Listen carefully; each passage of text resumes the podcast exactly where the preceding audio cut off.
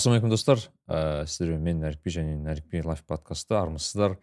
Ә, бүгін ә, біздің ә, ең сүйікті уақытым мен үшін өйткені біз мен біз осы ортамен бір уақытта жазады екенбіз әрқашан. Сол уақытты шын айтсам бір апта бойы күтеді екенмін. Негізі сондай бір күтім бар екен сол уақыт келді. Ә, және де мен қазір мына әсіресе әбекеңнің түрінен осындай бір келісімді байқадым қазір. біздің Иә. түрлеріміз көрінбейді бұл жақта бұл жақта. Дауыстарымыз түрлеріміз көрмейді бірақ бірақ эмоциялар туралы айта аламын. Әбеке өте күшті шай ішіп отыр екен қазір. Ііі Иә. иә. Қысқа нұсқа бізді таныстыра кетсек мен нәрікби яғни білесіздер ескендір мырза бізде бүгін. Есеке ассалаумағалейкум ассалаумағалейкум ассалаумағалейкум алейкум ассалам қалайсыздар? Иә. Ііі бізде бүгін данияр аға. Данияр аға деп айтады ол кісі бүгін тауда. Иә бүгін таудамыз. Тауда бізде визуалдағы бэкграундын айтып тұрмын қазір. Және де әбеке ә, әбеке өзінің сүйікті үйінде сүйікті ііі худиінде отыр екен. Иә бүгінгі тақырып өте қызық болмақ. І себебі ііі бұл тақырып ме- білмеймін жеке мен үшін өте і орысша айтпақшы личная история деп айтады ғой жеке тақырып маған қатысты өте ііі қатысы бар тақырып ол ііі мен өз ортамды қалай табамын деген сұрақтан басасақ. Енді бұл сұрақтың мәжілігін біздің осы подкасттың осы тақырыптарды жақсы бастап беруші ағылшынша айтпақшы айс брейкері ііі данияр Аха. жігітбек мырзаға берейін. Рахмет ә, сөз кезегін бергеніңізге. Ә, мен енді ә, біріншіден анықтамадан бастағым келіп тұр. Біздің тақырып енді өз ортамды тапқым келеді ә, біріншіден бұл сұрақты қойған адам демек оның өз ортасы жоқ. Оның пікірінше өз ортасы деген кім? Өз ортасы деген кім? дегенде ә, менің түсінігімде енді өз ортасы деген өзін жайлы сезінетін ә, адамдардың тобы деп ойлаймын.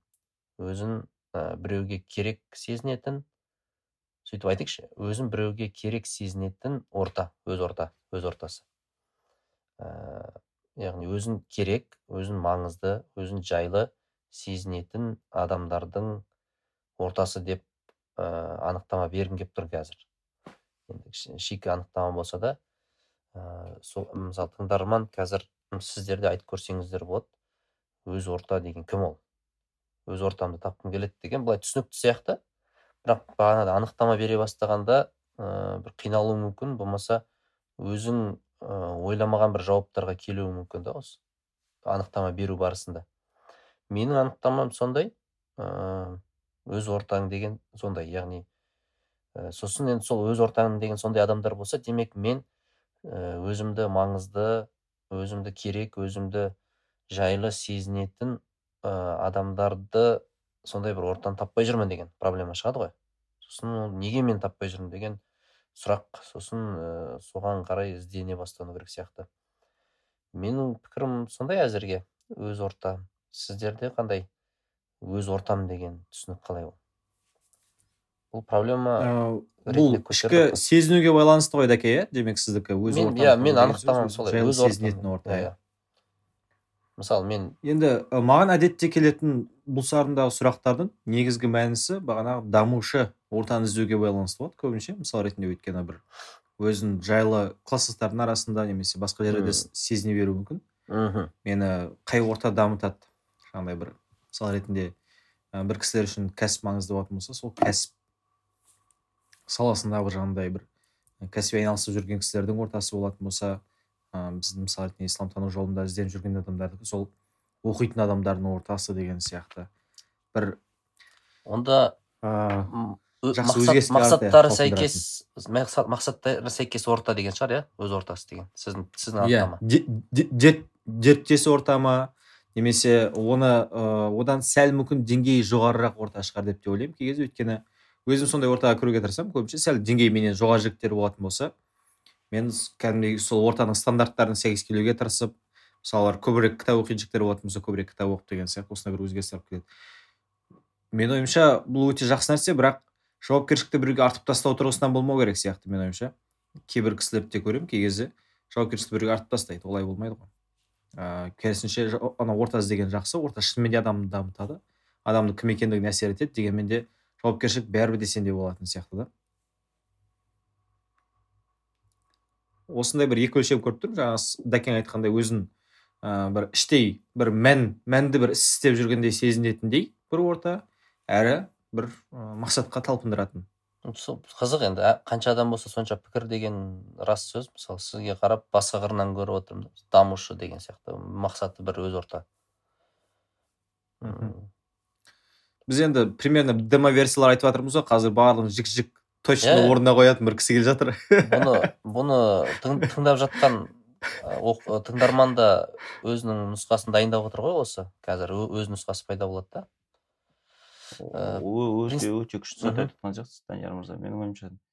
Тыңдарман қазір енді бізбен қатар өзінің пікірін өзінің дефинициясын құрастырып отыру керек сияқты андай пассивті тұтынушы тыңдарман ғана болып отпай ше? Мыналар не айтады екен деп қана отпай а мен былай ойлаймын деп ше?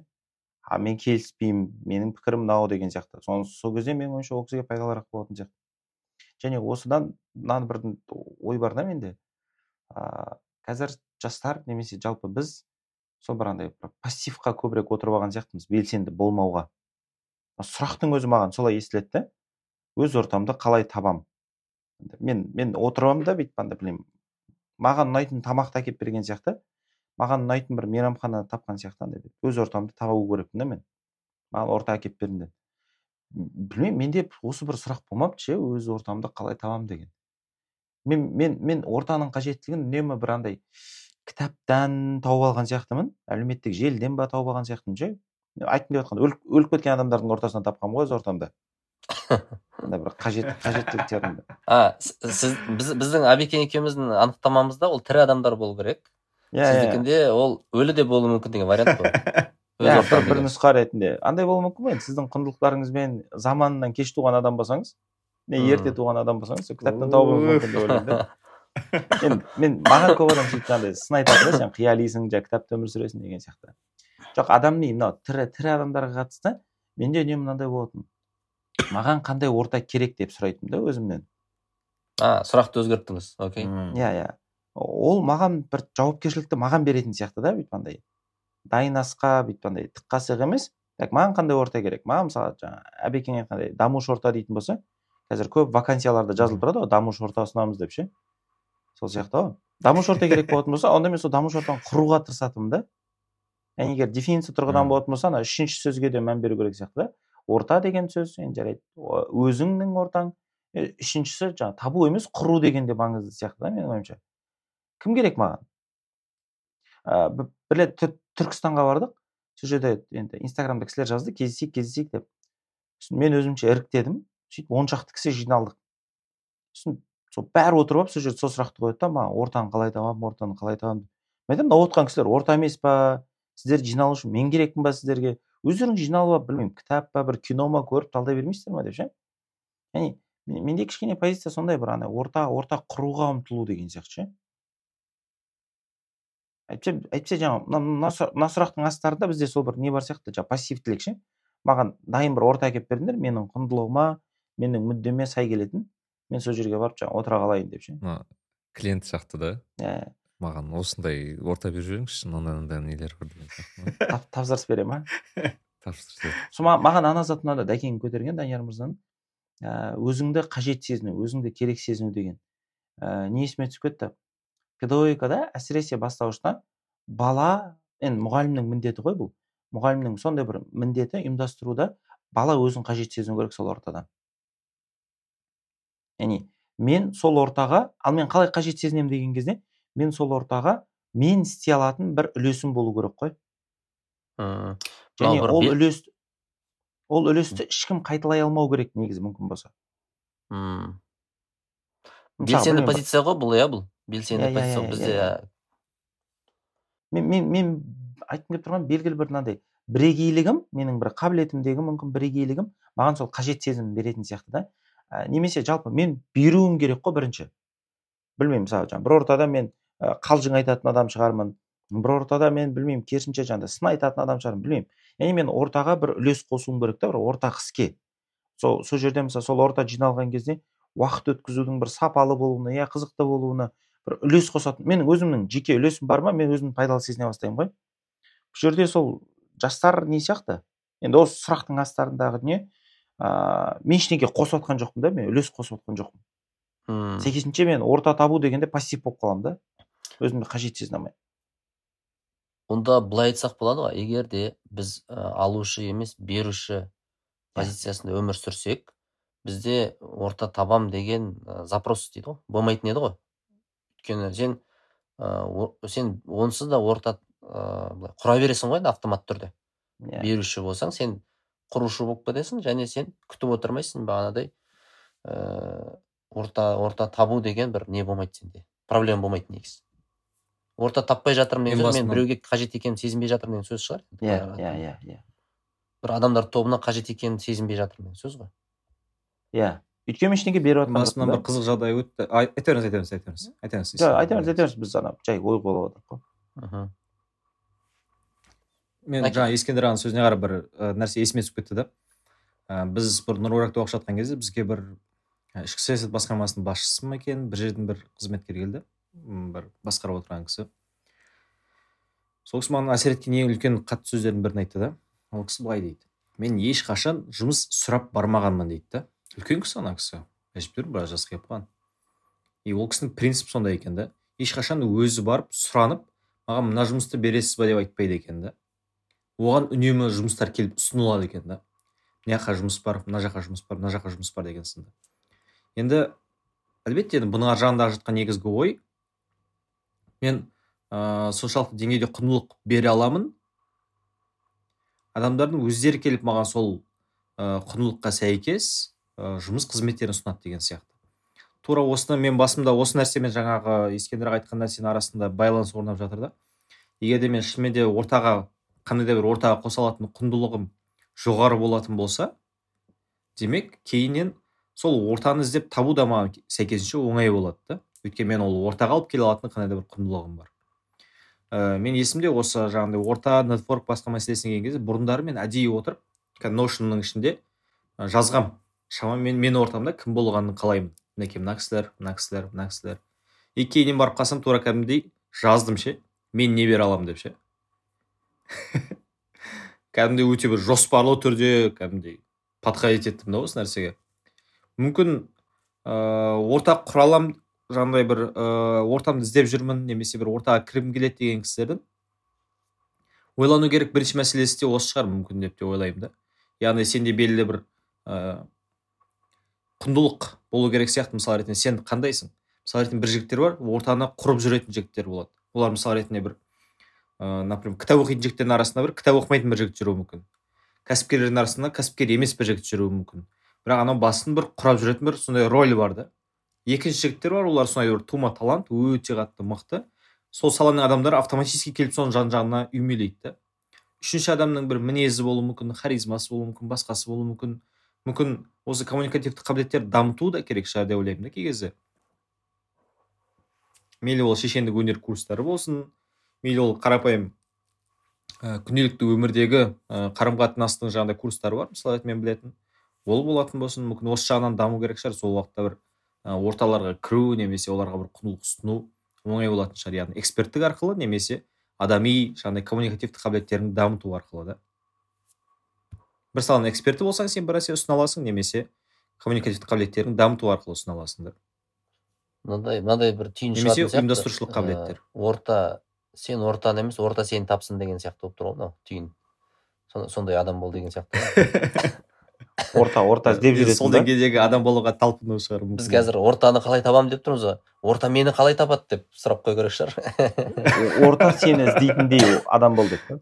Иә иә иә сонда мәселе шешілейін сен тұр. ортан емес орта сені тапсын легенда. Ә, өмірдің мәні жоқ, сені анау- тапсын деп ше күшті күшті күшті не идея бар ғой ағылшын тілінде мынандай бір сөз бар. Be so good that no one can ignore you дейді да сол сөз болып тұрады. Ол өте күшті маған қатты ұнайтын фраза да яғни аудармасы мынандай типа сол соншалықты мықты бол сені ешкім еле қалай еле елемей жүре алмайтын. алмайтындай ма елемей жүре алмайтындай мықты бол дейді да мына жерде енді ана бір вектор шыққан сияқты ғой енді нені айту керек сияқты енді? Жаңа сіз айтқандай қалай сондай болу керек орта сізге қызығатындай да? Не істеу біз керек қазір соны? э, позициядан ауысып кеттік қой анау.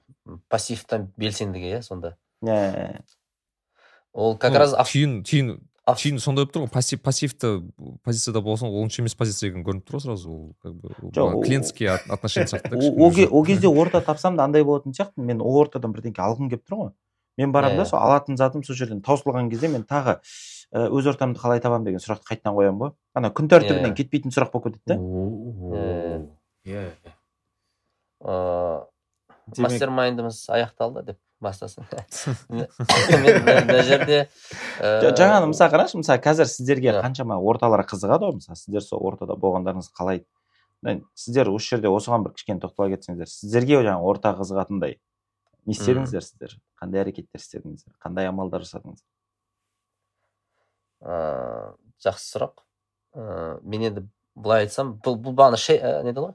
Sharing is caring дейді ғой енді? Мен де әліпби сияқты бір ағылшынша сөздер білетінімді айтайыншы. Sharing is caring деген яғни ә, жай шеринг жасай бергенмін деп ойлаймын. Мен қазір былай қарасаң ә, білетін нәрсеңді жай іштей бөліскің келеді. Айта бересің ақыл айта бересің бір тағы бір нәрсе оқығаныңды айта бересің мынаны істей айта бересің. Және байқасам ол басқаларға керек екен. Сонымен ә, айта бергенде де барлық нәрсені айтпайсың ғой. Мысалы белгілі бір тақырыптарды айта аласың соны айта бересің. Және ол біреуге керек тақырыптар болғандықтан ыыы сондай бір ыыы енді сен шеринг болғаннан кейін сен андай Wi-Fi тарата берсең бәрі жаныңа келіп пароль қандай пароль қандай деп келіп нетеді ғой? Енді сұрайды ғой сол сияқты. Ыыы боласың ғой енді Wi-Fi тарата берген жақсы ғой. Ыыы сөйтіп ыыы, иә. маған өтті мынау мысалы өте күшті өтті кәдімгідей маған. Біздің бәріміздің мен ойымша мына жерде отырған кісілер біз мен беруші адамдармыз деп ойлаймын енді бұл телефон телефон болма wifi бол деп отырса ғой. Иә иә Wi-Fi болды сөйтіп ыыы менде мындай бір қызық бір ұсыныс бар дәке бағана ғана сіз айтқан ә, мәселеге байланысты. Мен ә, миссия тақырыбына сәл былай қарай кеткенмін да. Менде әр нәрсенің бөлек бір миссиясы болу керек та. Мен айналысып жатқан проекттің бөлек бір миссиясы болу керек. келісемін келісемін иә. ә, мысал ретінде мен егер де тіпті тамақ істеп үйренетін болсам да оның ар жағында мен үшін бір мән жату керек та. И осы нетворк мәселесінің мендегі миссиясы мынадай да. Дерттес адамдарға қызмет қылу. Яғни менімен дерті бір адамдарға қызмет қылу да. Яғни мысал ретінде бір мен не үлес бере аламын ол ортаға немесе ол адамдарға деп уайымдау ше мысал ретінде менде жиі жиі болады ұстаздарға келемін да ұстаз мындай мындай бір өзекті мәселе бар. Мысалы кеше ғана азамат жамашев ұстазға бардым. Бізде хадистану саласындағы кіріспе қазақ тіліндегі сабақ жоқ әзірге. Ол саланың маңыздылығын түсіндіретіндей. Сол үшін егер де сіздің бір бөліскіңіз келетін ойлар немесе лекция болатын болса мен ә, видео контентпен қамтамасыз етуге ол нәрсенің шығындарын толыққанды көтеруге студияны ұсынуға және де осы мәселені ұйымдастыруға дайынмын деген ұсыныспен бардым да. Яғни оның ар, ар ешқандай коммерческий пайда жоқ. Жай сол бағытта қызмет қылу. Тіпті бір ә, үйдің ішінде де жаңағыдай бір ә, жүрген кезде айтамын ғой әйеліме жаңағыдай сен давай мына бір нәрселер ас- арасы мысал ретінде вроде бы мен ей давай былай жасайық мына есіктердің барлығын жауып жіберейік та деп айтуыма да болатын шығар. Бірақ мен айтамын да давай мен ес- есіктерді жауып жіберейін менің саған жасаған қызметім осы болсын деп айтамын да. Яғни бір қызмет менің қандай да бір қызметім болатын болса бір ыыы дерттес адамдарға яғни мен үшін бір маңызды нәрсе мысалы әйелім мен үшін бір отбасындағы уютты жасаушы адам болатын болса орталар мысал ретінде мен үшін ы бағанағы мысал ретінде ұстазды айтайық та ол кісі бір ғалымдарды ғалымдарға жаңағыдай халықты қызықтырушы адамына иә мысал ретінде тура сол сияқты мен үшін бір маңызды нәрселерде ыыы қызмет қылып жүрген адамдарға мен бір қандай қызмет қо- қоса аламын үлес қоса аламын деген сияқты. Былайша айтқан кезде орталар менің түсінігімде белгілі бір жобаның аясында бірігеді да белгілі бір жобаның аясында бірігеді сол үшін әртүрлі осындай бір қызмет қыла беру арқылы жобаларды жүргізуге тырысамын да көбінше. И мүмкін сол шығар менің қызмет деген орталарға кіруіме қызмет сөзіңізден әбеке бір жақсы есіме түсті да жақында бір жігіт жазады бүйтіп енді мұғалімдікті оқып жатқан студент. Бүйтіп жазады да данияр аға ә, мені біздің біздің біздің кітап алға айтады да. Енді біз өзінше қазақстан кітап оқитын елге айналдырамыз деп солай бір миссия құрып сондай подкаст ә, қандай барлық жобаларымыз сол миссияның аясында болып жатыр да енді. Бұл жерде елге қызмет деген элемент бар да. Сөйтсем ә, бір ондай көп негізі просто жақында есіме түскені бір студент жазады. Мен ә, сіздерге қызмет еткім келеді дейді да. Ана складқа барып аптасына екі үш сағаттан төрт рет барып кітаптар көтерісіп не істей аламын дейді да. Бағана сіз айтқандай то есть ә, ондай мысалдар өте көп бізге жазады сөйтіп. Енді біз айтамыз енді көтерісу бір мынандай былайша айтқанда ерікті түрде өзі сұранып тұр да. Мен қалай қызмет етсем болады сіздерге осындай кітап тасып па тағы басқа нәрсе деген сияқты. Сол бағана сіздің ыыы не ғой енді яғни осындай қызмет етіп жүрген адамды көрген кезде басқалар сол қызмет етіп жүрген адамға көмектескісі кете ма? Сол арқылы бір сол арқылы бір ортаның сондай бір форматы қалыптасатын сияқты да. Бірақ кез келген мен ойымша бір істе әйтеуір бастаушы болу керек деп ойлаймын. Бастаушы иә бағана біз инициатор міндетті түрде болу керек. Иә иә. Жаңа алушы беруші деп жатсыздар ғой. Мынау сияқты ыыы бүйтіп қараңыздаршы. Беруші атмосферасы беруші философиясы болса ғана орта құрылады ғой. Егер Иә. алушыны ойлап тұрсам мен орта андай талан таражға түсіп кетеді ғой. Ешқашан орта сақталмайтын сияқты егер мен алу дегенді ойлап тұратын болсам. Алу үшін адамдар мысалы м- мынаны мынаны мен орта деп санамаймын мысал ретінде. Ііі айталық мысалы педагогика тақырыбында я менеджмент тақырыбында бір сөйлейтін біреу бар. Ол беруші оның қасына алушылар жиналды. Бұл орта емес менің ойымша. Енді бір толыққанды орта емес сияқты бұл жаңағыдай. Ортаның бір қалыптасу бір кезеңі шығар. А. Сон- сон- сон- Е, а, бір не қоса салайыншы. Ыыы адам грант деген кісі бар. Енді қызық қызық кітаптар жазады. Сол кісінің тедта бір лекциясы бар осы алушы беруші туралы. Енді мүмкін жастар осы бағанағы ә, телефон болма Wi-Fi бол деген кезде сол Wi-Fi болуда беруші болуды бір үйрену керек сияқты да. Сол жерде алушы беруші деп мынандай бір қызық ә, статистика келтіреді. Өнімділігі ең төмен адамдар ол берушілер. Иә өйткені сен бүкіл өзіңнің уақытыңды энергияңды мысалы жұмыста жүрсең де орта кез келген ортада жүрсең де сарп етесің да.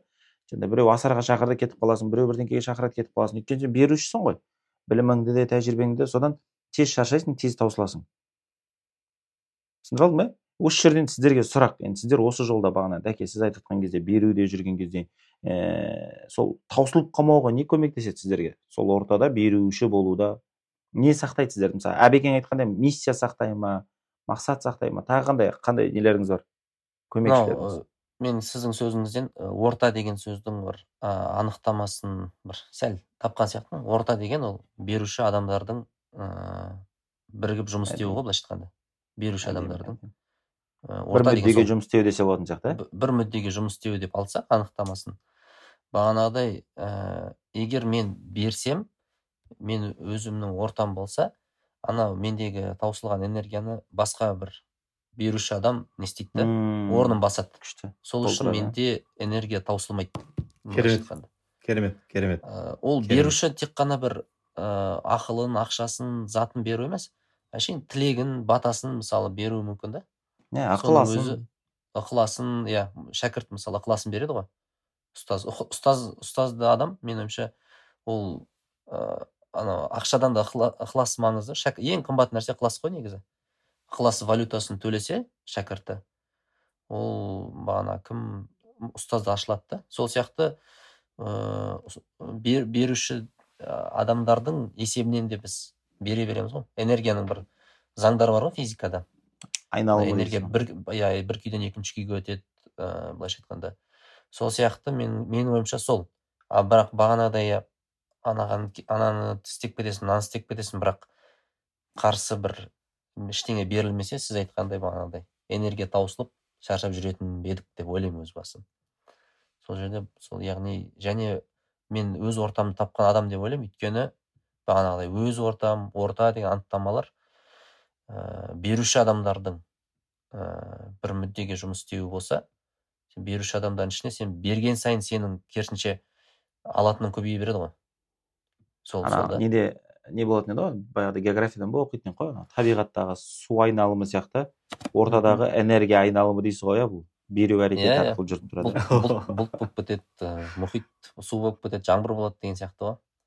Әдемі әдемі күшті. Ә, мысалы біздің мынау жобамызда мына жердегі нәрсе ә, бұл да таң, таң енді тыңдарман білмейтін шығар бұл таңғы бесте жазылып жатқан нәрселер. Таңғы бесте не тұрғызуы мүмкін мысалы бізді ә, біз қазір егер тек берсек біз де алып жатырмыз да бұл жерде негізі өзіміз үшін ә, берумен қатар. Сол арқылы ана беру потенциалымыз да кеңейе беретін сияқты да адам өз ортасында жүрсе.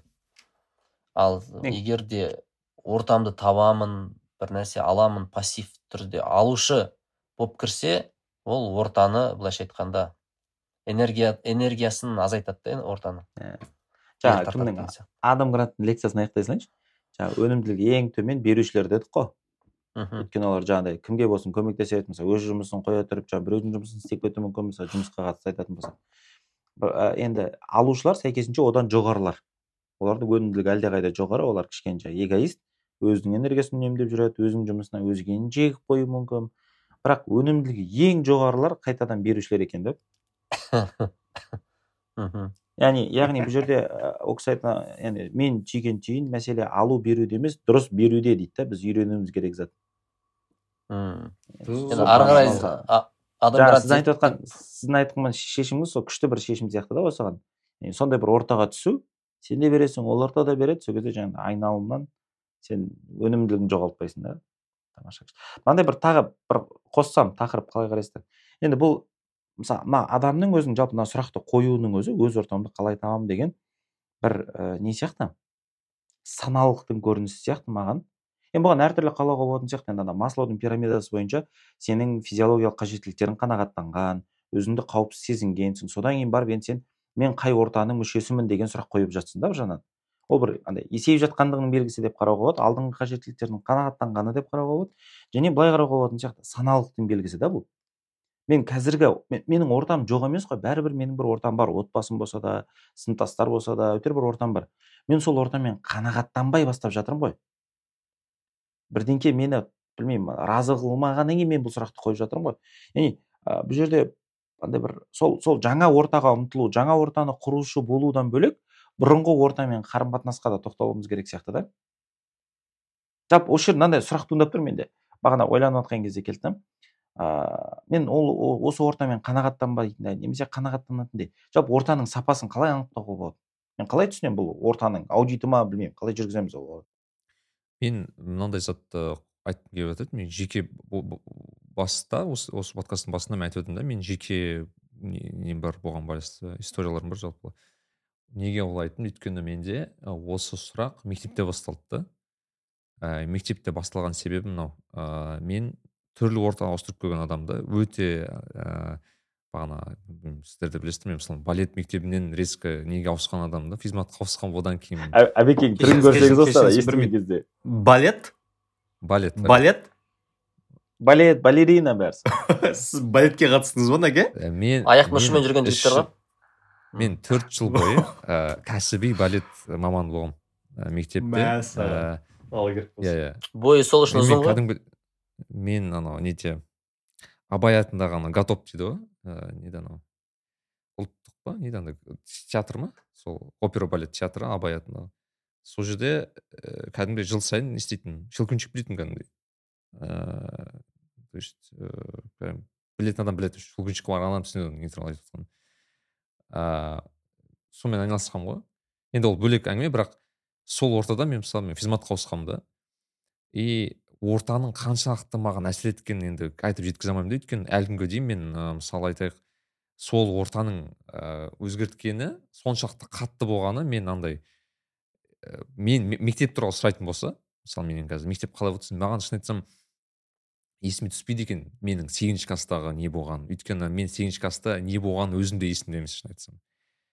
Настолько шоковая терапия болған менде ана жерде. Э, орта соншалықты мен ана оятып жіберген қатты басқа оянбаған эмоцияларымды мен басқа ештеңке ештеңке есімде емес шын айтсам. Менде бұл сұрақ бағана қайда пайда болды мен универге түстім да университетке түстім. И мен енді IT маманы болғандықтан ыыы IT университетке түстік. Дәке екеуміз бір, бір университетте оқыдық. Менде андай па- пайда болды да. Мен мысалы группаға түстім. Ә, мен ыыы біздің кредиттік системаның осы тұсын ұнатпаппын да. Өйткені бізде группаға салып қояды сені. Осы группамен ғана жүресің дейді ғой былайша айтқанда. Осы группамен бүкіл жерге барасың сен. Сабаққа да барасың ыыы жиналасың туған күнге де барасың. Короче осы осының бәрін салған ол мектептен келе жатыр мектепте де солай бір мектепке салып қояды сені тағы басқа. Таңдамайсың ғой и мен таң иә ол таңдау жоқ та айтқым келгені. И менде университетте бір күні қараймын ә, кейбір группамдағы балалар в общем мен маған ұнамсыз тірліктер жасай бастады да Аха. мысалы айтайық ставка қояды дота ойнайды там білмеймін сабақ оқымайды вечный ұйықтап жүреді и мен енді араласасың ғой мен мынандай пайда болды да мен мыналармен араласқым келе ма деген жалпы. Жалпы мен осы осындай ортада қаладым ба деп. Оны ойлап енді ойдан ой туады мен тұрдым мен де вообще өмірімде бір рет орта таңдадым ба деген сұрақ пайда болды осыған дейін. Мхм өз ортамды бірінші өз ортамды мен іздеп көргенмін ғой жалпы өмірде. Ке- кешіріңіз кешіріңіз. өмірде күшті сұрақ екен иә бір отырып ойлану иә қазіргі ортам менің таңдаған ортам ба деп ше? Жоқ. Енді шын ғой. Біздің өз деген сөзді қосуымыздың өзі бекер емес та бұл жерде. Өйткені ортамды таба табасың ғой ортаңды енді. Бірақ өз ба ол біреудікі ма? қауіп қауіпті сұрақ екен бірақ ше біреулер оқудан шығып біреулер ажырасып кетіп жоқ ажырасу дегенде Жоқ, ә, ажырасу мәселесі дегенде ол таңдады ғой ол таңдау бар ғой бұл жерде. Анау жоқ кім біледі әке шешесі үйлендірді біреулер әсер етті таныстырды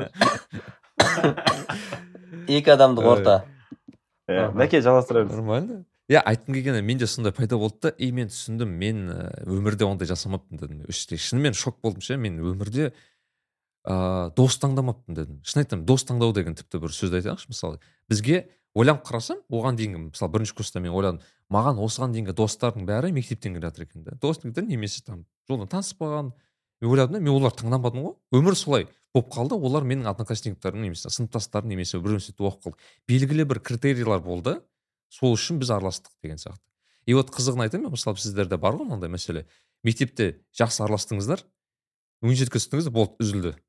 Нелеріңіз мысалы ар- ары қарай мен ойлайтынмын осы 90% феномен неде бар уже иә тоқсан пайыз сондай ғой шынымен? Былай қарасаң не үшін сондай болады деген бір ой пайда болды да. Сол кезде бүйтіп ойланып келсем менде мынандай тұжырымға келдім. Өйткені ол достықтың ә, негізгі себебі ә, мектеп еді да сендердің араласқандарың мәжбүрлік мектептегі иә мектептегі белгілі бір сендер бір жерде оқуларың мысалы бір жерде тұрғандарың тағы басқа осы осы себеп бойынша сендер араластыңдар жалпы. Бірақ андай пайда болмағанда мен не үшін жалпы араласамын ол кісімен деген сұрақ қой- қойылмайды да ол жерде. И осы сұрақты қоя келе мен бір зат түсіндім. Окей мен мен тура осы ескендір ағаның несіне келдім тұжырымына келдім. Мен ортаны өзім құруым керек екен оказывается. Бағанағы. И бірақ енді қайдан құрамын менде ештеңке жоқ өзімде. И мен андай ең бірінші қадам андай болды. Мен просто бағанағы ойландым да ә, маған қандай орта керек? Жалпы сұрақты қойдым. Бірақ мен андай қандай орта керек деген адамдарды жазбадым мен қасиеттерді жаздым ә, мысалы айтайын ә, айттым мен ә, мысалы айтайық дамушы орта дедім мен түсінікті. Бірақ андай мысалы спортпен айналысатын орта ә, мысалы айтайық ә, кітап оқитын орта ә, әсіресе кәсіби жақсы дамитын орта. Тағы басқа ос- осыны жаза бастадым жаза бастадым жаза бастадым. И кейін ке- келе келе тіпті мына университет ішінде оқып жүріп мен сол ортаны тауып алдым да. Ең қызығы. Енді бір момент мен почти өзімнің группаластарыммен мүлдем араласпайтын болып кеттім да.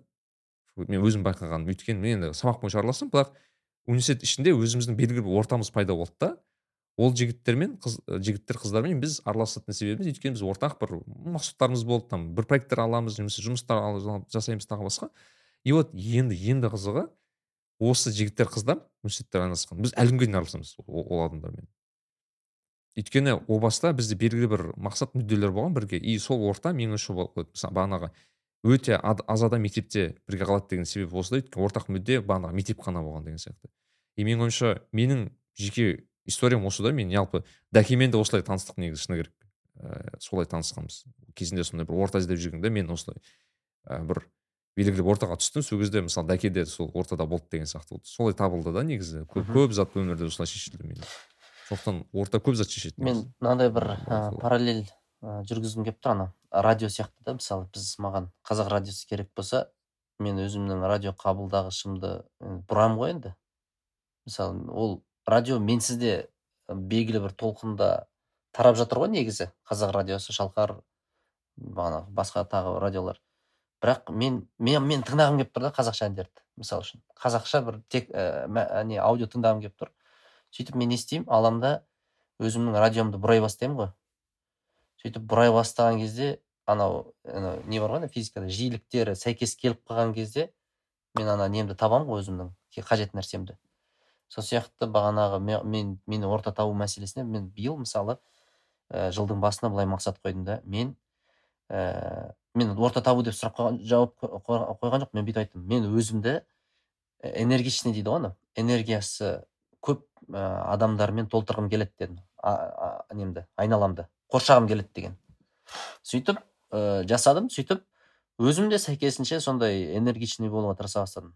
Энергия тақырыбын зерттеп эмоционалдық энергия кө- жақсы көңіл күйде жүру деген нәрселерді зерттеп сол өзімде кішкене өзгерістер бастадым. Сөйтіп қарасам биылғы жаңа ә, орталарым жаңа араласатын адамдарым бәрі сондай адамдар екен да.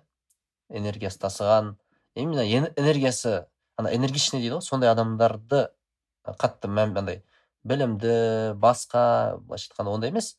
Энергия деген нәрсеге қатты көңіл бөлдім құдайға шүкір.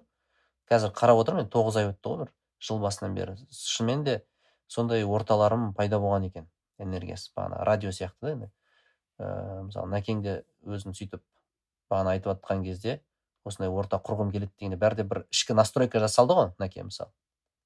Бір өзгерістер жасайсың ғой. То есть тапқың келеді бірақ бағанағыдай өзіңді кішкене ыыы сол сол неге толқынға келтіріп аласың да сол кезде ана андай адамдармен бір ыыы жолыға бастайсың. Солай және және де осы бар ғой осы ой бағанағы құру яғни қандай орта болу керек деген кезде негізі бұл тек құруға ғана емес бірақ мысалы мысал үшін кейбір ортаға бармауға да ә, көмектеседі екен да мысалы менде болды да сондай жағдайлар. Мысалы фильтр белгілі бір ортаға барасың. Иә иә. Фильтр ғой тоқтатады сені шынымен кей кезде. Оларға бармай ақ- осы, осы адаммен аралас- ар- араласпай ақ қояйын деген секілді. Мысалы ііі менде андай о- ағылшынша айтпақшы ред, ред флаг дегендер болатын да. Ред флаг яғни қызыл шам жанатын да. Мысалы мысалы айтайық мына мына заттар окей бірақ мына заттар болса все стоп мына кісімен уже мысалы айтайық менде андай болатын мысалы бір, бір, бір адаммен араласып келе жатырмын и ол кісі айтады и мен анаған өтірік айта салдым нәрсе десе болды ред флаг менде. Өйткені ол мына кісі маған өтірік айта салса маған да өтірік айта салады тура солай деп хадис қабылданбайды деген сияқты ма бұндай кісілерден? Бұхаридің несі бар еді ғой мысалы бар еді ғой. Иә, иә. ана не есіме түсіп жатыр да жаңа данияр мырзаның мысалынан не бар ғой? Ыыы камертон деген ба бір не бар ғой? Жабдық. Мен маман емеспін бірақ бір қызығып осы тақырыпқа қараған кезде ә, әртүрлі жаңағы жиілікте жұмыс істейді екен да олар гигагерцте. Мысалы айталық төрт жүз қырық болсын стандарт. Сол төрт жүз қырық гигагерцте мысалы сіз біреуін ұратын болсаңыз оның толқындары вибрациясы екінші қасында тұрған камертонның да сондай дыбыс шығаруына қозғалуына әсер етеді екен да мына акустикалық резонанс дейді да? Со- со- сондай бір не болатын сияқты шынымен бізде бір жаңағыдай дүниелерімізде толқындарымыз үйлесіп қалады мүмкін бір құндылықтарымыз жаңағы мүдделеріміз әбекең айтпақшы дерттеріміз үйлесіп қалуы мүмкін. Сонымен бір қосылып кетеміз да бірақ мен ана тюнить етілетін нәрсе ғой толқындар. Иә иә иә, иә енді камертондікі баптала ма нақты білмеймін бірақ енді адамдікі бапталады ғой. Адамдікі бапталады соны реттеуге болады. Бағанағы мысалы қайтадан бір білмеймін енді битті айта беретін студент сияқты. Не болатын сияқты. Енді радио қабылдағыш болу бар соң радио болу иә өйткені радио қабылдағыш алушы ғой енді бәрібір. Ыыы, радио таратушы да ол да бір маңызды сияқты. Мынандай бір ой келді маған жаңа нә- нәкең айтқанынан. Ыыы біз жаңағы мектепте ортамыз болады. Мүмкін отбасында осыған кіргізуге болатын шығар. Кейін университетте орта болады.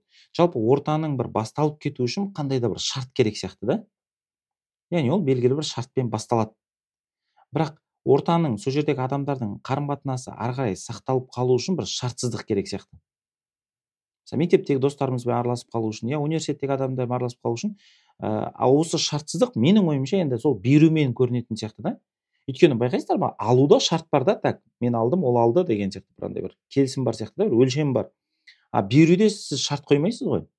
Мен көп беріп жатырмын аналар бермей жатыр деп ана тойға келген ақша сияқты есептемейсіз ғой енді шамаңа қарай бере беруге тырысасың да. Осы бір шартсыздық шартты құрылған ортаны аман сақтап қала ма деп ойлаймын да ары қарай өміршеңдігін қамтамасыз ете ма деп. Менде осы алу мен беруге байланысты бір қызық ой бар да. Ә, бағана айтқым келген как раз ыыы мысалға а- алу мен беруді ақшамен есептеу менің ойымша өте бір жақсы қызық бір мысал сияқты өйткені. Ә, сен алуың бар және беруің бар. Және сен именно берейін деп жатқан кезде сен ақиқатың көрінеді ғой енді. И әрі ол сені тоздыруы да мүмкін деген сияқты бір көрсеткіш ретінде қызық нәрсе сияқты. И осы мен басыма бір хадис бар. Ә, ескендір айтқан кезде басыма сол хадиспен кәдімгі бір пар- параллель кәдімгідей лампочка жанды ше. Садақа артық ақшадан беріледі деп айтады да. Қандай ақша? Өте көп хадистер бар. Артық ақша ақш- артық ақшадан өте көп хадистер бар адамды бір иә өте көп хадистер бар. Адамды садақа беруге ақшаны беруге бөлісуге жомарт болуға қызықтыратын. Сонымен қатар шекарасы қойылғанда садақа артық ақшадан беріледі. Яғни сен негізгі қажеттіліктеріңді қарызды адамнан басқа өтейсің. Сосын содан артылған ақшамен береді яғни мысалы ретінде дәл сол бір энергияны немесе істі айтатын болсақ сен ең әуелі өзің аяқта нық тұруың керек біреуді алып шығу үшін өз істерің біткен болу керек. Сосын барып біреуге бөлісесің да энергияңмен уақытыңмен қызметіңмен немесе басқамен деген сияқты. Ол бір мен ойымша бір балансты беретін қызық өлшем сияқты. Өйткені мен де екі, екі кезеңнен де өттім да. Бір кезеңде менде альтруизм болды. Өз жұмыстарымды тастап тастаймын да. Бітті біреудің қызметінде жүремін ақыр соңында жаңағыдай өз істерім быт шыт болып жаңағыдай бір үстіне не қылып ақыр соңында өзім біреудің мойнына масыл болып жатамын да. Өйткені мен өз істерім бітпеген мен істерімді бітіру үшін уже олар жүгіріп жатады ол кезеңнен де өттім және екінші кезеңде болды. Жоқ мен бірінші өз шаруаларымды бітіруім керек. Өз шаруаларымды бітірдім ба болды мен демалуым керек деген сияқты мысал ретінде. Екеуі де бір шектен шығу сияқты. И осының ортасындағы нәрсе өз шаруаңды да бітір әрі біреудің де шаруасына бір кішігірім үлес қос. Менің бір ә, қазіргі ұстанатын бір орта жолым осы сияқты. Бізге ана беруші болуды неғұрлым ерте үйрену керек сияқты ғой. Абеке сіз бағанағы ескенірак айтқан неге қарай жүріп жатсыз ғой? Өнімділігі ең төмен. Ана этаж иә, этажбен қазір қазір үшінші қабатқа көтерілдіңіз ғой шамамен. Ә, мен иә мүмкін үш мүмкін екі де шығар ма әлде де екіден өтіп үшке мысалы мен өз ортамды табу деген яғни келістік иә бағана ә, біз кейде көп жағдайда ә, өз жа- біз біз кез ке- қа- қаласаң да қаламасаң да бір ортада боласың сен. Көршілердің арасында бір ортада боласың. Бірақ ол өз ба өз емес па деген ол шарт қой ол былайша айтқанда. Яғни бағанағы шарт қойсаң өзімдікі өзімдікі емес деген сияқты бір тақырып басталады. Шартсыздық болса сен қазіргі ә, ортаңнан бір максимум бір ә, ләззат ә, пайда алуға болады. Осы тақырыпты бір қозғап көрсек яғни бізде бағанағыдай м, белгілі бір ортада біз болып қалдық дейік. Енді сол ортада өзімізді былай мысалы өмір жалғасып жатыр ғой. Болады ғой мысалы сен вахтада ма білмеймін бір бір себептермен бағанағыдай ә, университетте мысалы сен таңдамаған адамдармен бәрі де жұмыс бер ә, былай ісің жүре, болады жүреді да енді бірге жүресің. Сол кезде не істеу керек деген сұрақ қой. Қиналып жүруге болады. Мен мына орта менікі емес мен бақытсызбын өз ортам қайда деп жүре беруге де болады ол да вариант. Ортаңды құра беруге де болады. Бірақ ы, менің байқауымша көп адам әлі қиындау сияқты өз ортасын құру деген. Ана бір кезеңдер бар ғой өзінің. ана нені білесіз ба интернетте оқыған бір ана жаман дос деген кім деген ба сұрақ қояды да. Іште андай айтады андай бір дос болады дейді бәрін білдіретін. Мысалы адам достар бірін біріне айталық мысалы туған күн тойлайтын болса бірін біріне белгілі бір сыйлықтар жасап жүреді да жаңағы. Шұлық сыйлайды немесе сол бір аз ақшаның көлеміндегі бір сыйлықтар жасап жүреді. Жаман дос деген қымбат сыйлық сыйлап жүретін адам дейді да. Ол бүкіл жүйені бүлдіреді дейді. Енді сен оған арзан сыйлық сыйлай алмайсың дейді. Енді сен де оған қымбат зат сыйлау керексің сөйтіп андай қымбат сыйлықтардың жүйесі басталып кетеді дейді да ана жерде. бәрін. Сол сол сияқты мен ойлаймын қандай қандай ортада жүрсек те жаңағыдай осы артық беру деген қағиданы ұстану керек сияқты. Мен бағана әбекең жұмыста айтқандай мен мысалы жұмысқа қатысты бір ұстанғым келген қағида бар да жалдамалы жұмыста жүрген кезде overvaluing дейді ғой ағылшын тілінде. Артығымен құндылық ұсына алу мысалға маған бір менторым бүйтіп айтты да ә, еңбекақымды өсірші деп сұрайтын болсаң онда сен құндылық беріп жатқан жоқсың. Сен өзің барып сондай сұрайтындай болсаң сен өз жұмысыңмен ісіңмен сондай құндылық бере алу керексің. Жұмыс беруші саған айта алу керек та мә мен сенің еңбекақыңды өсіргім келіп тұр мә деген сияқты. егер ол өсірмей жатса сен артық құндылық беріп жатсаң да онда ол да бір белгі да сен дұрыс емес ортада жүргендігіңнің ше. Эгоистердің ортасында алушылардың ғана ортасында жүргенің ба ол да бір ол да бір жақсы қағида. Яғни менің ойымша қай ортада жүрсек те сол ортаның құндылығын бағанағы шартсыздығын өсіру үшін мен жаңағы артық беруді қолға алуым керек сияқты ше. Мен сол сол ортада жалпы беру деген қадамды бастап кетуім керек қой бір циклды ма мен мен мен, мен солай түсіндім сұрағыңызды. Мхм. Мен иә мынау өте жақсы мен қазір өзімнің орталарымды ойлап жатырмын да мысалы әрқайсымызда да болды деп ойлаймын ондай. Сен өзің таңдама мысалы нәкеңде де болып жатыр біз қазір артқа оралып ойлап отырмын да менде өзім таңдамаған ә, мәжбүрлі түрде сол ортаға кірген ә, жағдайлар көп, ә, көп болды. Қарасам бағана менің пассивтілігім біріншіден. Ә, біріншіден ә, бір жаман күйде жүресің беруші емес алушы позициясындасың сәйкесінше ә, пассив бір әрекет жасамайсың. Бірақ қазір ойлап қарасам мысалы мен өзге ұлт өкілдерімен мысалы олар мысалы ә, мысалы он минут сайын темекі шеге беруі мүмкін айтишниктер бар мысалы ә, жұмыс істедім да мен. Қарасам мен енді ол кезде олардың былайша олармен былайша айтқанда енді жиіркенемін десем маған қатты айтқандық болады. Бірақ андай қашан тезірек кетемін деп арасынан деген сондай ойлар болатын менде. Енді бағана жұмыс бабымен сондай бір орталарға түсіп қалдым да кезінде. Бірақ қазір ойлап қарасам ә, егер мен беруші позициясында болсам ә, бағана шеринг кейринг деп жатырмыз яғни мен ә, олардың бір мұқтаждықтары бар еді ғой бәрінде мен қазір ойлап отырмын да. Сол менімен бірге жұмыс істеген жасы ол елудегі ыыы бағанағы дядя олег бір бір рет қызық болған анау. Дядя олег деп тұрмын білмеймін ғой мен орыстармен жұмыс істеп көрмегенмін күледі да маған дядя емес олег деп айт дейді да маған. Олар олар сондай екен ғой аттарын айт деп. Сол сияқты олег саша пашалармен жұмыс істеген кезде өзінде де сондай ортаға түсіп қалған күні өзінде де егер де мен ойлаймын олардың мұқтаждықтарын қазір есіме алып жатырмын да мен егер сол мұқтаждықтарына бір ыыы қызмет ету беру позициясымен олармен аралассам маған олармен араласу қызығырақ болатын еді деп ойлап тұрмын қазір. Және олар мені ә, мен оларға қажет болатын едім да. Олар мені жақсы көретін еді өзіне тартатын еді сөйтіп маған ашылатын еді сөйтіп ә, мені бір көтеретін еді деп ойлап отырмын да қазір. Сөйтіп мен анау өзіме басында жағымсыз көрінген ортаның өзінде мен өзімді бағанағы мен айтқан сияқты мен үшін өз ортасы деген ол өзіңді керек жайлы сезіну ғой. Мен бағанағы сезімдерді кешетін едім. То есть сен берсең ғана өзіңнің керек екенін сезінесің ғой. Бұл жерде ақша материал емес. Мен ойлап тұрмын да егер қазір деген уақытты айландырып қайта мен білмедім ол кезде еще мен беруші емес алушы болғанмын өзімнің комфортымды ойладым бәлкім. Сосын андай қиналып жүресің да енді анау ортада. Бірақ егер де ондай адамдар бар ғой мысалы мен қазір өзіме есіме түсіп отыр бір беруші позициясындағы кез келген ортада бәрі оны жақсы көреді. Қандай ұлт болмасын қандай жас болмасын кез келген топ жақсы көретін бір адамдар болады ғой бір орталарда.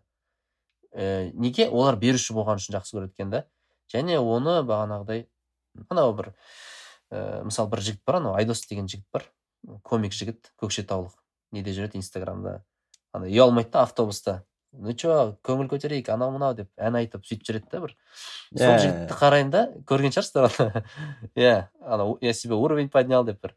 Көңіл күй беруші дейсіз ғой көңіл күй беруші да мә сұмдық. Мен өзім ананы экран ар жағынан кейде қарап отырамын сол жігіт көңіл күйін көтеріп отырады сол жігіт бір видео түсірді да көкшетаудан астанаға көшкен екен. Көкшетаудың жігіті ғой негізі. Сөйтіп ана видеосында ана дүкеннің сатушысы баба лена көшеде не сатып жатқан короче ә, зинаида бар кім бәрі анамен құшақтасып жылап не істеп жатыр да. Анау қазақ жігіт енді. Қазақша да орысша да сөйлесе береді. Демек анау беруші жігіт қой. Иә ол ана, анау неде? Кез келген орта ғой ана жерде. Магазиндегі орта көрші ортасы ә, бәрі ананы қимай бағана көзіне жас алып. Енді ол да өзін жақсы сезінеді деп ойлаймын ол ортада әдемі ол, ақша беру иә ақша бермейді да бірақ энергия береді да иә иә сол көңіл күй беруден бөлек ол кісіде андай бар сияқты андай. Өзін еркін ұстап ойына келген бір еркелігін істей беру арқылы иә басқаларға өз өзіңе қарап көп затқа рұқсат бере бастайтын сияқтысың ше ол кісі рұқсат та беретін сияқты да бүйтіп айналасына. Иә бізде мысалы мен ойлаймын неге анау өнер адамдарын бізде жақсы көреді ғой негізі. Ііі олар не береді деп ойлаймын ғой енді. Сөйтсем олар бағанағыдай эмоция береді бір нәрселер береді да бізде яғни олар былай ақша бір материалдық нәрсе бермегенмен инфлюенсерлер мысалы инстаграмда не не беріп жатыр олар? Бір нәрсе беріп жатыр ғой демек олар қажет болса бізге. Сосын ойладым да мен бағанағы орталарды біз енді бұл андай мысал ғой. Окей мен орта таппай жатырмын орта құра алмай жатырмын. Онда қазіргі ортаңда сен беруші болсаң автоматты түрде бағанағы нелер? Ыыы адамдар негізі жақсы ғой негізі? Көп адамдар жақсы ғой адамдар жақсы жалпы. Жаман адам деген болмайды менің ойымша бірақ біз кейде сол алушы позициясын егер бізге бір орта ұнамаса бағанағыдай бір индикатор сияқты ғой. Демек мен бұл жерде алушымын деген сияқты ғой. Мен, андай не екі түйін шығып жатыр да мен өзіме жазып алдым да сіздің айтқаныңыздан бірінші түйін андай сияқты андай. Ә, біз енді адам ретінде ортаға мұқтаж болып тұрсақ мысалы сіз ортаға қандай мұқтаж болсаңыз да орта да сізге сондай мұқтаж. Яғни орта да сіздің жаңағыдай беруіңізге атсалысуыңызға сондай зәру болып тұр ғой. Бірінші өзіме жазылған зат болды. Екіншісі мынандай бір түйін болып тұр да. Ыыы так ойымды шашырата алдым ба ыыы идея мынада жақсы кейін айтамын бір жинақтап алайын. Мен анау ойымда тұр да осы мәселе. Маған ыыы анау осында көштік қой. Мен енді голландияға көшкен кезде жұмыс істей бастаған кезде маған ең бірінші таң қалған зат ол анау менің менеджерлармен жалпы осы нелермен кісілермен сөйлескен кездегі қолданатын қолданатын сөздер еді да өйткені ең алғашқы есімде бір менеджермен сөйлескен кезде бүйтіп сұрақ қойды да енді біздің митингтарда сен мен саған қалай көмектесе аламын соны айт дейді да маған осылай айтты да маған. ең бірінші сұрақ солай қойды да. Ыыы мен таң қалдым өйткені оған дейін қазақстанда маған ешкім олай сұрақ қоймаған екен да обычно менеджермен әңгіме мен сенен осы керек деп айтатын да маған. Бірақ ешқашан менеджер сенен келіп мне не керек деп айтпайды екен да саған. Мне не керек конкретно? Ыыы и қазір уже сондай жақсы менеджер басшы не жетекші жетекші. Жетекші жетекші деп айтайын иә яғни жетекшілер керісінше саған үстінен басып сен мынаны істеуің керексің негізі деп айту керек. Қой бұл жерден керісінше да жұмыс яғни сен маған айт мен саған көмектесіп жіберейін мен не енді может менің жұмысымда бір нәрсе ақаулар бар шығар сен жұмыс істемей жатқанына қарағанда деген сияқты. Яғни өзінен іздейді да көбінесе позиция сондай. Және де тіпті мысалы мен командада жұмыс істегенде де бір белгілі бір жігіттер немесе қыздар андай ыыы сіңісе алмай жатқан кезде біз мысалы ойлаймыз да мә біз не, не біз нені дұрыс жасамай жатырмық ол бала кіре салмайтын деген сияқты. Ол оған қатысты емес та. Күшті. Яғни біз со, оған сондай орта бере алмай жатырмыз. Андай ол ашылатын өз міндеттеріңізді тізесіздер ғой иә иә яғни біз яғни айтқым келгені біз бағана дәке жаман адам жоқ қой негізі. Жаман адам жоқ жалпы жаман жұмыскер де жоқ та негізі біздің ойымызша. Тек жаман орта бар жаман там біртүрлі атмосфера бар да адамда кішкене қысатын мысалы бағана токсичный атмосфера болады немесе бір дави андай береді прессер береді ғой кішкене бір қысатын бір атмосфера болады. Соны соны ә, содан құтылуға тырысамыз да өйткені бағанағыдай ең бізде жақында бір жақсы сөз оқыдым мысалы жұмысыма байланысты айтады да ең жақсы команда дейді ол ә, ең жақсы команда ол ұтушы команда дейді да. Ұтушы команда яғни әрқашан бір нәрсе ұтады дейді да. Ұтады яғни не только спорттағы басқа бірақ андай жұмыстағы бір нәрседе ұтады немесе бір ә, яғни өзінің бір ұту, ұту сезімі бере алатындай болуың керексің ғой сен оларға сен ұтушы адам яғни сен мысалы айтайық жұмыс істеп жүрсің зарплатаңды аласың в принципе все все нормально да андай бір қиналып жүрген жоқсың. Бірақ сен именно сондай бір сезім бересің да адамға сен ұтып жатырсың иә қарасай міне міне деп типа осы. И андай бір сол кезде түсіндім лидершип жалпы осы лидершип ана көшбасшылық деген осы яғни сен адамға сондай сезім бере аласың. Жалпы өзің және сондай енді дәке ол туралы көбірек айта алатын шығар бірақ мен соны түсіндім да жеке басым яғни көшбасшы адам ол сондай өз ортасына сондай бір жақсы вайб дейді ғой жақсы осындай бір не бере алады мен бір орта менеджер деген басшы. осы жауапкершілік деген а, лидерство деген тақырыпты зерттедім да мен. Сөйтіп мен өзім ә, бір формуласын шығаруға тырыстым. Ә, қалай қалай лидерге болады лидер болуға болады деп. Көп нәрсе айтылады ғой негізі. Мен екі ж деп айттым да оны. Жауапкершілік жанашырлық дедім. Мысалы былай да. Ә, мен мысалы былай. Екі нәрсені істесем мен лидер болам, болады екен. Мысалы мен жанымдағы адамның ортамдағы адамның белгілі бір нәтижесіне бір жауапкершілікпен жауапкершілік аламын мысалы мынаның ә, аяққа тұрып кетуіне деген сияқты жанымдағы адам. Екіншісі мен жанашырлық танытамын оған. Бағанағыдай қамқорлық танытамын да. Мысалы ауыл әкімі ә, ода жауапкершілік бар. Өйткені президенттен түскен бағана басқадан түскен бір жауапкершілік бар да ауылына. Бірақ жанашырлық болмауы мүмкін. Сол кезде адамда мен түсінгенім ә, бағанағы анау кім менімен жұмыс істеген кісілерге мен ә, бір бір жауапкершілік алып тұрмын ғой мысалы оған бір көмектесу үшін бір нәрсе беру үшін мен жауапкершілік алып тұрмын да бір белгілі бір артық бір жүк алып тұрмын оған. Әйтпесе мен де өзің біл саша сергей жүре берсем болатын еді. Бірақ мен көріп тұрмын бір мұқтаждығын жауапкершілік алдым. Сосын соған ә, жанашырлық танытқан кезде мен сергейдің көзінде бағанағыдай лидер бола бастаймын да. Енді лидер деген мен өзім солай ә, қабылдадым. Солай сондай бір формула жасап алдым. Тіпті тіпті мысалы былай ғой. бұған қатысты көп зерттеу бар дәке кәдімгі көшбасшылық неден құралатындығын ше оларда көбінесе сол зерттеудің түйіні мынаған келіп тіреледі ғой. Біз біреуді көшбасшы деп мойындаймыз оның білімінен емес оның табысынан емес оның тәжірибесінен емес. Яғни оның өзінде бар заттардан емес оның қамқорлығынан ғана екен да. Қаншалықты ол соны иә оны қаншалықты сыртқа бөлісті ғой бағана сіз айтқан. Ыыы яғни қамқорлықты енді қамқорлық іштей көрініс таба алмайды ол қамқорлық жаңағыдай. Мен сол тәжірибемді білімімді сол адамның дамуына иә бір қауіпке ұшырамауына қолдана бастауым ғой. Немесе жаңа сіз айтқандай сол адамға жауапкершілік алып оған жанашырлық танытуым да. Мм. Сосын бір нәрсе біз мынау тақырыпта жүрміз ғой қазір. Ыыы өз ортамнан бұрын қазіргі ортамды қалай өз ортама айналдырамын деген сұрақ қоюға да болады да. Ыыы қазіргі ортамды мен өз ортама қалай айналдырамын деген сияқты мәселе да яғни ақыры таба алмай жатсың ақыры құруға әлі дайын емессің. Бірақ соңғы вариант қалып тұр ғой. Ііі мен қызмет ет сол иә мысалы сол ортаны қалай мен өз ортама айналдырамын орта бар по любому орта бар. Мен былай ойлаймын ә, бір жерден енді білмеймін бір принстон университетінде ма бір бір кітапта ма аттарын онша білмеймін бір жерде айтылған. Бір жақсы айтылған жер бар. Ә, жалпы адаммен қарым қатынаста төрт түрлі модель бар да үшеуі қате біреуі дұрыс екен.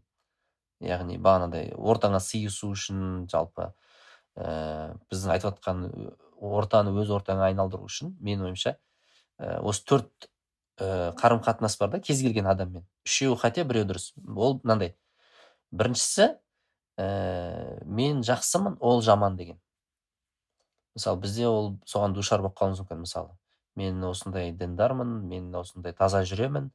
Бірақ мынау кісі ондай емес оның жаман әдеттері бар ставка қояды бір нәрсе істейді. Яғни былайша айтқанда мен жақсымын ол жаман ғой. Екеуің қатар келіп қалған кезде ол адаммен ашылып сөйлесе алмайсың. Қаласаң да қаламасаң да сондай. Екіншісі бұны енді ұстаным деген дұрыс шығар. Қарым қатынастағы орыс тілді тәрбиеде көп кездеседі осы. Иә ұстаным деген нәрсе. Екінші ұстаным қате ұстаным мен жаманмын ол жақсы деген. Мен жаманмын ол жақсы яғни мысалы біз жоқ жоқ мысалы былай болуы мүмкін мысалы мен ә, ескендір ағаға барып ә, бір нәрсе сұрауға қысылып тұруым мүмкін. Ұялып тұрамын. Бұның артында бағанағы нәрсе жатуы мүмкін да. Мен ескендір ағаға сұрақ қоятындай дәрежеде жақсы емеспін лайық емеспін әлі деген сияқты то есть. Яғни бағанағы бұл да мен де ескендір ағамен ашылып сөйлесе алмаймын да бұл жағдайда. Ескендір аға болсын марғұлан аға болсын кім болсын жоқ иә дұрыс айтасыз бәке осы ата анасы оған жұрттың баласы деген философияны қолданған да болады осы зат. Көрдің ба ана жұрттың баласы? Ана жұрттың келінін көрдің ба? Сен жүрсің. Енді сен жамансың ол жақсы деген сол ана балаға келсе мен жаманмын ол жақсы дегенге келеді. Иә иә. Бұл жерде қарым қатынаста бұл да ашылып сөйлесе алмаймыз да бұл жағдайда. Бірінші жағдайда да ашылып сөйлесе алмаймын ол адаммен. Екінші жағдайда ашылып сөйлесе алмаймын өйткені мен жаман ол жақсы. Ұстаным. Үшінші ұстаным қате ұстаным ол мен де жаманмын ол да жаман бізде болады ғой әдетте ана мен де жаман ол жаман анау бір біріне прикол ұстау ананы төмендету деген сияқты ана сен сондайсың ғой анау мынау деген сияқты бізде бар да кейбір қарым қатынастарда адамдардың ортада. Яғни басқа біреуді өз деңгейіңе түсіруге тырысасың да ол да жаман мен де жаманмын деген сияқты. Үшеуі қате дейді ең дұрысы мен де жақсымын ол да жақсы деген ұстаным. Яғни менің өз артық жақсы тұстарым бар оныкі де бар. Мейлі ол марғұлан сейсенбай болсын мейлі ол брайан трейси болсын кім болсын. Десең саған кез келген адаммен ашылып сөйлесу оңай болып кетеді. Де мысалы сонда біздің ә, ортамызға сыйыспау деген сөз бар ғой бізде. Ортамызға ана ортаңа мінезіңмен сыйысасың деген тағы бір сөз бар қазақта. Сол кезде мен ойымша ортаңа сонда егер біз егер бүкіл адам жақсы болса мен де жақсымын ол да жақсы. Ұстаным ғой әшейін енді. Демек менде кез келген адаммен сөйлесе аламын деген сөз ғой. Мысалы. Ә, мысалы бізге мысалы пайғамбарымыз үлгі мұхаммед саллаллаху алейхи кез келген адаммен қалай сөйлесу керек болған. Ә, сол үшін бұл мүмкін нәрсе сияқты менің ойымша. Яғни сен кез келген ұстанымың ол да жақсы мен де жақсымын. Жаман адам болмайды. Десең онда ә, қазіргі ортаңа сыйыса бастайсың деген нәрсе болады ғой. Мен бір сондай бір мен, ойға келдім. менің ойымша сіздің ойыңызды дамыта келе бір тіпті ә, енді тыңдарман енді қазір бір ә, шекарасы қабылдап қалмау үшін бір шекараларын бекіту керек шығар деп те ойлап отырмын да. Сен кез келген ортамен сыйыса алатын болуың керексің бірақ сыйыса алу керек па? Соны да қарау керек сияқты. Өйткені ә, біз кей уақытта өзімізге андай бір ә, біреудің хидаятын мойнымызға алып алатын сияқты көрінемін кей кезде. Өйткені мысалы ретінде бір ортаға кіріп оларды өзгертемін деген сынды. Ә, енді оның да әсері бар ғой сөзсіз бірақ сонымен қатар біз өзіміздің әлсіздігімізді де мойындап кей уақытта біз де жұтылып кетуіміз мүмкін екенін де ескеру керек та. Пайғамбар саллаллаху мысал ретінде айтады. Ә, адам өз досының дінінде дейді да. Досының дінінде деген сөз уақыт өте келе бәрібір де сен өз ұстанымдарыңнан оның ұстанымдарына қарата жылжисың да әсерленесің деген сөз ғой. И тіпті бір жерлерде айтады мысалы құран кәрімде айтады. Сен ә, оларды тура жолға салмады деп өз өзіңді өшіріп жіберуге шейін барасың бірақ сенің мойныңдағы жалғыз нәрсе ескерту деп айтады да. И ескерте алу керек жаңағыдай орталарға кіре алу керек ә, немесе бір ә, дұрыс әсер бере алу керек дегенмен де сол ортамен жақын болып бетіп кіріп кетудің қажет па қажет емес пе бәрі де фильтрден өткізу керек та өйткені ә, қарапайым мысалы ретінде ставка қоятын немесе енді шартты түрде айтқан кезде ә, бір адамдар болатын болса уақыт өте келе оның саған ақырын ақырын ақырын ақырын әсер беріле бастайды. Сен күндіз бүйтіп араласып жүрген кезде әсер берілмесе де кешке қарата бір түнгі әңгіменің кезінде бір әсер беріле бастайды. Сен кризистің кезінде бір әсер беріле бастайды. Оны бір төмен көру туралы емес мен айтып тұрғаным? Ә, барлығы шынымен де дәкең айтқан сияқты тең адамдар тура сен сияқты адамдар олар да сен мен оның арасындағы айырмашылық оның күнәсі сен үшін ашық болғанмен сенің күнәң ол үшін жасырын болып тұр да айырмашылық сол ғана әйтпесе барлығы да бірдей тең. Бірақ сонымен қатар әрбір ортаға кіру керек па? Ол уже сұрақ. Ыыы действительно сен мысалы ретінде ақыретіңе немесе дүниеңе пайдалы болмайтын болса ол адаммен жақын уәли болып бізде уәли деп айтады жақын дос болып араласып кету ә, ол уже кішкене фильтр ыыы анау не бар еді ғой? өйткені адамды құрдымға ұшыратуы мүмкін. Ақымақпен дауласпа деген ба бар еді ғой бір сөз кімнің сөзі? еді ақымақпен дауласпа ол сені жаңағы ақымақтық тәжірибесімен басып кетеді дейді ғой. Сол сияқты кейде кейде андай жаңағыдай мысалы орта жаңағы алу беру деген призмамен қараған кезде ол ол ортаның алу тәжірибесіне менің беру тәжірибем пара пар болмаса жаңағы жұтылып кететін сияқтысың да. Олар жаңағы алу тәжірибесімен сізді тауысып жіберетін сияқты ғой бағана шекарасы да байқалады дейсіз ғой. Иә бір зат қоса салайыншы қызық болса тауып оқып көргенге сіздерге де аудиторияға да. Біз ана сегіз минут деген жобаға өткенде түсіріп жазғанбыз. Ыыы карло типоло деген кісі бар экономист профессор. Сол кісі бір достарына хат жазған екен де енді эссе ретінде. Сол кезде жаңағы төрт түрлі адам түрін жазады. Осы алушы беруші деген типажбен.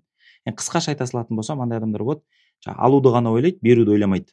Яғни өзінің пайдасын ойлап өзгеге зиянды болады. Бұлар бандиттар дейді да. Содан кейін андай адамдар болады дейді. Олар шарасыздар дейді. Жаңағы олар беруді ойлайды алуды ойламайды. Өзі таусылып жүреді құрбандықта жүреді деген сияқты. Бұлар шарасыздар дейді.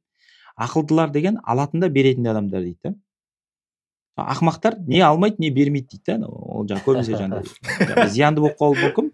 Ә, бірақ мен осы жерде қызық мынандай сұрақ қояды ол кісі ең қауіпті адам қайсысы деген ше осы төртеуіне? сөйтіп қоғамда ең қауіптісі мынау деген сияқты өзінің бір түйінін шығарады. Негізі былай ыыы ешқандай ғылыми зерттеу негізі жоқ жай ғана эссе ғой. Бірақ біздің өмірмен біздің қазіргі қоғамдық құрылысымен көп сәйкестік бар да.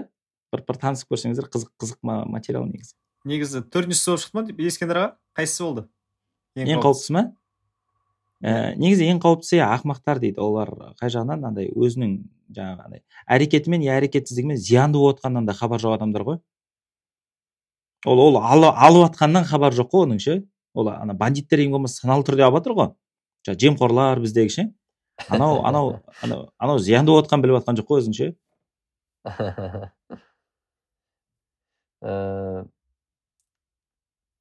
Керемет.